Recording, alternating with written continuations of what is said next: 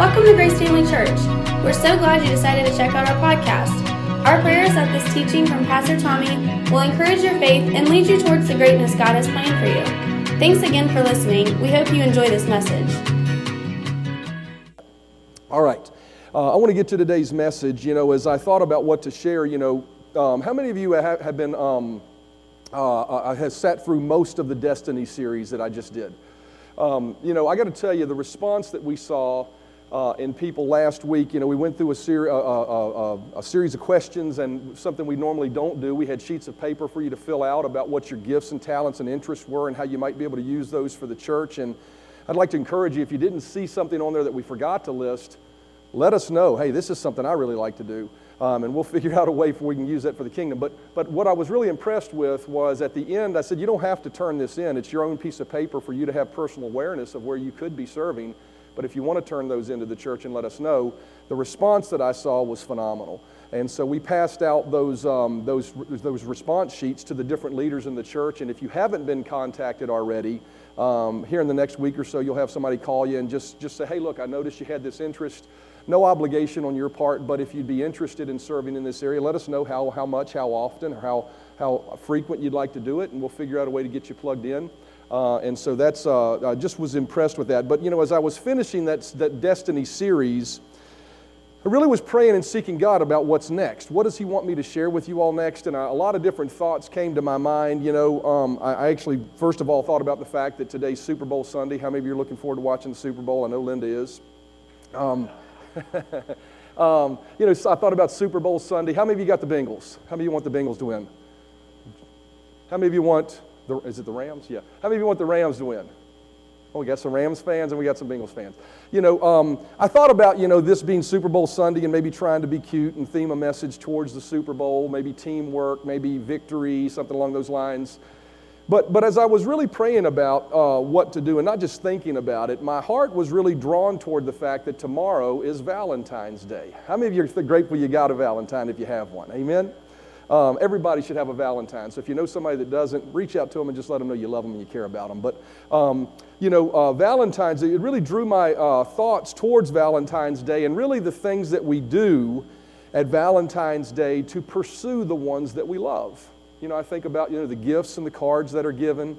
I think about the candy that'll be eaten that probably shouldn't be eaten, right? But, uh, but we, we, we give those things out, the flowers that are sent, the dinners that are planned, the things we do to really let the people know that we love them. And, and, I, and I really thought about the fact, and hopefully, uh, if you're here, you're still doing that with the one you call your Valentine. You're not taking them for granted. Um, you know, obviously, hopefully, your pastor's told you enough in advance that you could sneak out the day if you did forget and not let them know that right? So you can give them a Valentine's gift. But as I thought about that, you know, I, I thought about how desperately, you know, if you really love somebody, how much you pursue them with your affections.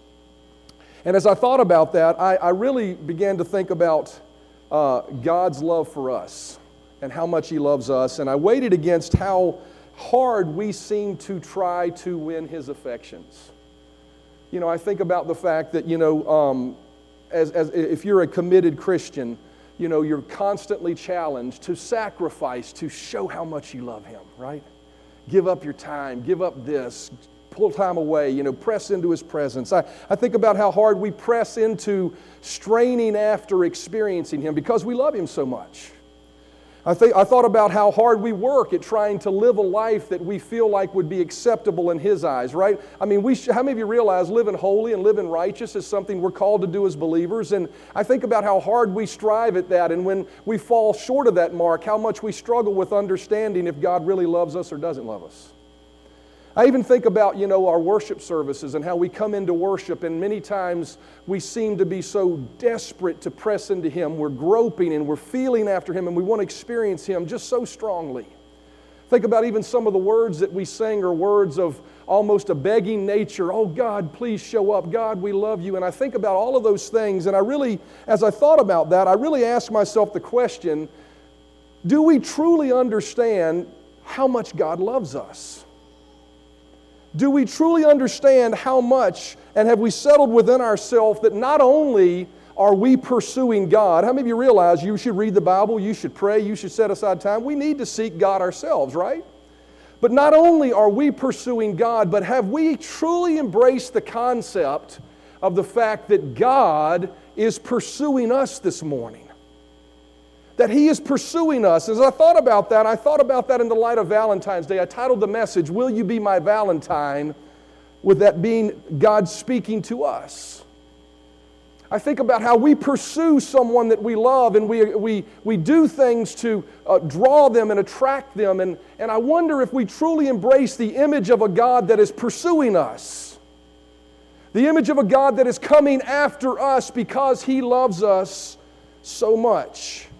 And as I was thinking about that, I was really drawn to a verse of Scripture in Revelation chapter 3 and verse 20. This was when Jesus appeared to John on the Isle of Patmos and he had a message for the seven churches that were in Asia Minor. And, and, and in, in one of those messages, he was speaking to a church. And, and at the beginning of his direction to the church, he said, You know, I would rather you be hot or cold, right? But if you're lukewarm, I will spew you out of my mouth. Now, you know, I got to tell you, most people have taken that verse of Scripture and used that to scare the Jesus out of people that if you're not hot, Jesus is going to kick you to the curb. But actually, if you, if you read the, that verse of Scripture and you look at that context of that verse, he says, I will spew you out of my mouth. Actually, if you look at the original Greek of what that word means, that word actually means, I will spew harsh words at you or strong words at you. He said, I'd rather you be hot or cold, but I'm going to speak some strong words to you. And I think it's interesting, the strong words that he speaks to us at the conclusion of it all is Revelation chapter 3 and verse 20. He's speaking this to a church. He says, I know your works, I know you're trying hard. I know you're, you're striving. I know you're coming to church. I know you're doing all of these things. And they're doing all of these things, but he says they're lukewarm. he says they're lukewarm, and he says, So I want to speak some strong words to you. And what he says at the end of it all is this He says, Behold, I stand at the door and knock. If anyone hears my voice and opens the door, I will come into him and dine with him, and he with me. He didn't say, Behold, I stand at the door and I'm ready to kick you out of my life. To the church that was lukewarm because they were working so hard and striving so hard and trying to get into his presence and trying to just, uh, just reach out and grasp that brass ring. What he said to them was this He said, I want you to understand, the, the strong words I want you to understand is, I haven't given up on you. I am standing at the door of your heart and I'm knocking. There's something about me I want you to comprehend. What is that something about God you want, He wants us to comprehend? It's this. Oftentimes we see ourselves knock, knock, knocking on heaven's door, right? Old Guns N' Roses, is right? I probably shouldn't even sing that in here. But we find ourselves knocking, climbing that stairway to heaven. When what Jesus says is this You're not knocking on my door, I'm knocking on yours. Do we see Jesus this morning as the flower toting, candy carrying suitor of our lives saying, Will you be my Valentine? Will you open your heart to me? See, the issue with the church in Revelation wasn't that they weren't trying. It was that they did not have a passionate love for Jesus. And the reason they didn't have a passionate love for Jesus is because they were works based. They didn't realize how much Jesus loved them. He was saying, You're neither hot or cold. You're trying to work this thing up, but I'm not asking you to work it up. I'm asking you to recognize something that I'm knocking on your heart's door. I'm coming after you more so than you're coming after me. Some people would say, Well, maybe that's a little bit far stretching. They would even be offended at a God that's almost begging us to have a relationship with us. Maybe we should be more reverential. Maybe we should recognize the awesomeness of an almighty God, and it's awful arrogant to think that God is coming after me that hard, that maybe I should come crawling into His presence. Maybe there should be a little bit of that in our relationship with Him. But the reality is, is we do need to reverence God. We need to understand the awesomeness of God. But part of the awesomeness of who He is is that He loves us in spite of ourselves. How many of you know all the bugaboos and yucky things about yourself that maybe somebody doesn't know about you? But in spite of all of that, He's still knocking on our doors. He's still coming after us. True appreciation and reverence for an Almighty God can only come when we recognize the fullness of the passion and aggressiveness with which He's coming after us. We see it easily in 1 John chapter 4 and verse 10 and 19. It says, "In this is love, not that we loved God, but that he loved us and sent his son to be a propitiation for our sins." Verse 19, "We love him because he first loved us." See, what that tells me is this is that my love for him grows as I allow him to love me, as I open my heart and quit trying and quit striving and quit trying to measure up. And I just say, Lord, here I am. Let your presence flood my life. And when we get a glimpse of His presence flooding our life, it overwhelms us to the point that love will passionately ignite. You know, in a relationship with a husband and wife, what you'll find to be true most of the time is that the husband is the pursuer.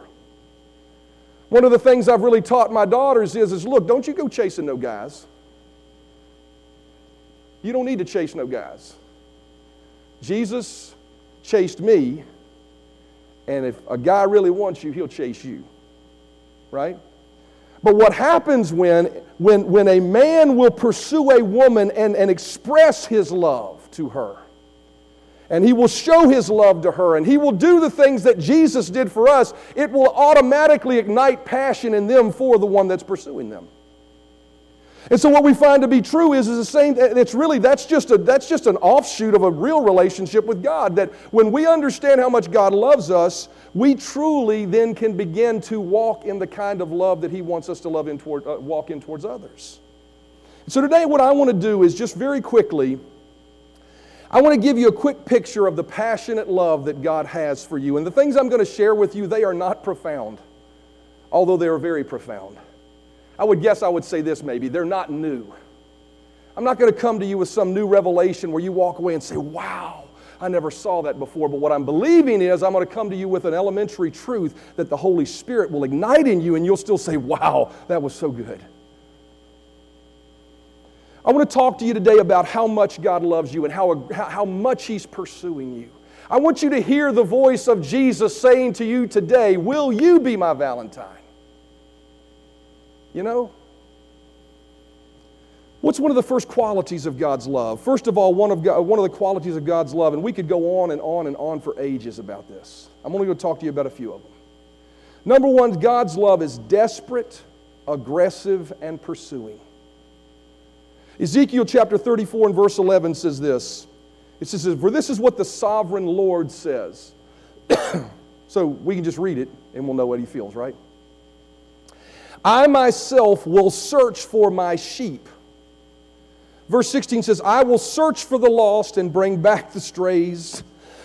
I will bind up the injured and strengthen the weak. Notice the Lord says, I will search for you.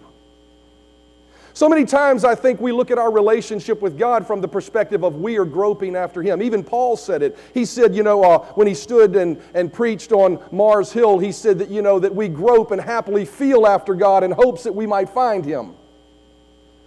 So, from a human aspect, we do grope and we do stretch and we do reach for God. Why? Because we're carnal, because we have limitations in understanding God at a spiritual level. And so, that is one aspect of our relationship with God. But what God says is this in all your groping and all your searching, you need to understand something about me and you. I'm coming after you. I'm searching for you. That means when we come into worship and lift our hands, we're not begging God to show up, He's already here waiting. When we cry out in our most desperate moment of need, we're not reaching out hoping heaven will let a little slag off the backside of glory drip down and help us. He's already there. I believe there's an element to our faith. We talk about faith in this church and what faith is, and faith comes from hearing the word and then speaking the word. And I believe all of that is absolutely true and applicable to our lives. But there's an element to our faith that is overarching that has to understand that God is for me and He's coming after me. I don't have to beg Him, I don't have to talk Him into what He said He wants to do for me. He says, I will search for him. I'm reminded of his call to Adam when Adam fell in the garden. The Bible says he, he, he came down to the garden and he said, Adam, where are you? How many of you know God knew where he was? I think God put it in there so we would understand, we would understand something about God is that when we fall and even in our worst moments, He's still coming after us. His love is aggressive, it's pursuing. Do we see, when we think of our relationship with God, I want you just to picture this for a moment. Do we see a sedentary, almighty God sitting on His throne when we approach Him, or do we see Him coming after us? When we worship Him, do we see Him sitting stoically on His throne waiting for us to come to Him? Or do we see a God that is flinging open the heavenly gates and running towards us? Psalm 24, verse 7 and 9 in the NLT and the Passion Version says this It says, Open up, you ancient, ancient gates. Open up ancient doors and let the King of glory enter, for he is about to come through you. Fling wide, you eternal doors. Here he comes. The King of glory is ready to come in. Do we see God poised at the, you know, just waiting for the opportunity to invade our life? This is the pursuer. This is the one who is saying, Will you be my Valentine this morning?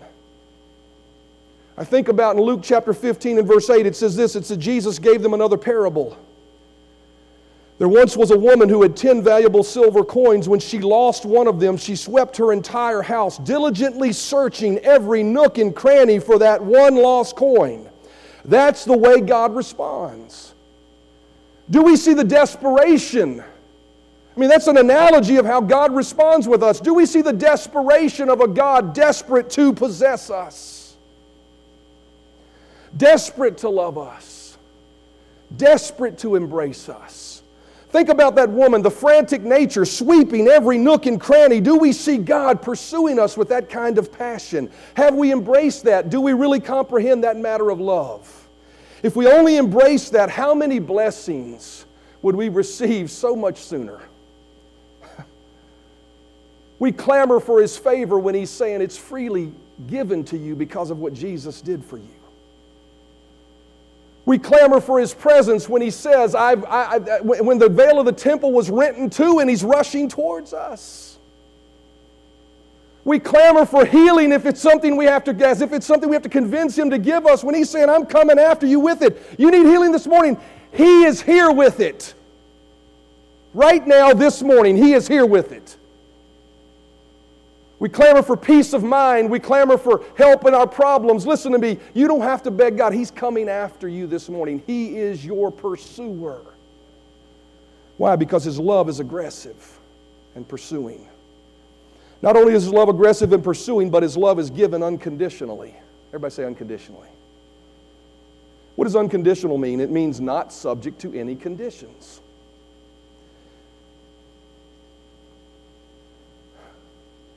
The love that He's pursuing you with this morning, I want you to understand something. It requires nothing of you other than opening your heart to it. That goes for anything that that love would bring with it. Whether it be salvation from your sins, whether it be peace of mind, whether it be deliverance, whether it be healing, it requires nothing of you other than you opening your heart to it and receiving it. Why? Because His love is unconditional. Revelation 22 and verse 17 says, And the Spirit and the bride say, Come, and let him who hears come, and let him who thirsts come. Whoever desires, whoever desires, let him take the water of life freely. Notice, His love is given to whomever, and it is given freely. You don't have to meet a condition, you don't have to meet a prerequisite. All you have to do is open your heart to it. Titus chapter 3 and verse 4 says this it says, When the extraordinary compassion of God, our Savior, that word compassion is love when the extraordinary love of God, our Savior, and His overpowering love suddenly appeared in person as the brightness of a dawning day, He came to save us. Not because, notice this, of any virtuous deed that we have done, but only because of His extravagant mercy. Woo, that ought to make you want to shout this morning. That as you walked in here this morning, you didn't have to earn it. You didn't have to work it up. He just loves you so much that He's willing to give you His love in spite of yourself. My God, that's enough to make me want to shout. I'm getting goosebumps on goosebumps. He loves us unconditionally. I think about the song, Just as I am without one plea, but that thy blood was shed for me. Man, only because of his love could you sing that. Just as you are all your problems, all your flaws, all your mistakes, all of it. Jesus, with loving arms, is saying, Just let me be your Valentine. Let me love you. His love is not only unconditional, but his love is sacrificial. John chapter 15 and verse 13 says, For the greatest love of all is a love that sacrifices all. It says in the Passion Translation. It says in the New King James, Greater love has no one than this than to lay down his lay down one's life for his friends. Romans chapter 5 and verse 8 says, But God demonstrates His own love toward us, and that while we were still sinners, Christ died for us. His love is sacrificial. His love said, You can't get to me, so I'm going to do what is necessary to get to you. Your sin separates me from my holiness, but what I'm going to do is shed my holy blood for you so that you can have a relationship with me. His love is sacrificial. What a beautiful picture we have of that sacrificial love in Isaiah chapter 53. Verse 4 through 9 says this it says, Surely he has borne our griefs and carried our sorrows. Yet we esteemed him stricken, smitten by God, and afflicted. But he was wounded for our transgressions. Think about these words. Don't just hear them. These are spirit inspired words. Let them seep into you, for this is what he did for you. He was wounded for our transgressions, He was bruised for our iniquities. The chastisement of our peace was upon Him, and by His stripes we are healed. All we like sheep have gone astray. We have turned every one to his own way, and the Lord has laid on him the iniquity of us all. He was oppressed and he was afflicted, yet he opened not his mouth. He was led as a lamb to the slaughter, and as a sheep before its shearers is silent, so he opened not his mouth. He was taken from prison and from judgment. For he was cut off from the land of the living. For the transgressions of my people he was stricken, and they made his grave with the wicked. This is the price that he paid for us. His love is sacrificial. His love says, when you can't get it done, I'll get it done. And that goes for whatever it is in our life, whether it be sin or anything else. His love is sacrificial. The last quality of his love that I want to talk about today as the musicians come is simply this His love for you will never cease. You know, we're only given a span of time to make a decision to accept His love while we live on this planet. But I can tell you it's not a joy filled day for a God who's pursuing you when you breathe the last breath and you haven't given Him your life.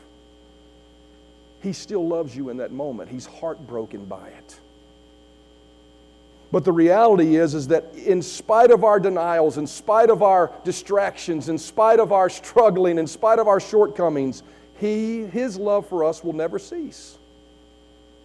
You know, I think about that for a moment. You know, I know you had shared with me before the service that, you know, there are some people that you know, may not have a father, and, and the Lord laid that on your heart, and that may struggle with understanding, you know, how a father really loves and how a father really cares. These four qualities are the qualities of someone that would love you unconditionally and love you the way you're supposed to be loved. And I want to let you know this morning, if you've never had that experience in your life of someone naturally giving that to you, you can receive that spiritually this morning. I'll never forget that I had loving parents. But I'll never forget the day when I was 18 years old and I had strayed away from the, the path I should have been walking on. The day I walked back into a church and lifted my hands and I experienced the unconditional love of a father and the love of my Savior that said, in spite of where you've been, in spite of where you've done, in spite of the, spite of the mistakes you made, I still love you. Jeremiah chapter 31 and verse 3 says, The Lord has appeared to, of me to old, uh, uh, of, of old to me, saying, Yes, I have loved you with an everlasting love. Therefore, with loving kindness have I drawn you. That word everlasting, I looked up that word, and most often it's translated as forever love. He's saying, I, I will love you forever. Or a perpetual long. As long as you live, God's love for you will not cease. No matter how much you ignore His knocking, no matter how much you walk away from His love, He will never give up on you. Hebrews chapter 13 and verse 5 says, For He Himself has said, I will never leave you nor forsake you. I'm reminded of the story of the prodigal son, and I could try to uh, wax eloquently about it this morning, but I thought there's no better way to see the unyielding, unconditional, never ending love of God than just to read you the story. Just to let the scripture speak to your heart of his love for you this morning. It says, Then Jesus said, A certain man had two sons. And the younger of them said to his father, Father, give me the portion of goods that falls to me. So he divided them so he divided to them his livelihood. Not many days after, the younger son gathered all together and journeyed to a far country, and there wasted his possessions with prodigal living. And when he had spent all that he had, when he had spent all, there arose a severe famine in the land, and he began to be in want. Then he went and joined himself to a citizen of that country, and he sent him into the fields to feed swine. And he would gladly have filled his stomach with the pods that the swine ate, and no one gave them, and no one gave him anything. And when he came to himself, he said, How many of my father's hired servants have bread enough and, and to spare, and I perish with hunger? I will arise and go to my father, and I will say to him, Father, I have sinned against heaven and before you, and I am no longer worthy to be called your son. How many of you realize when he said that, he had a wrong perspective of his father? He didn't think he was worthy of the love of God. Why? Because he thought that that love of his father had a condition attached to it. He had to be something, he had to do something. But the reality is, is that God loves you in spite of yourself this morning.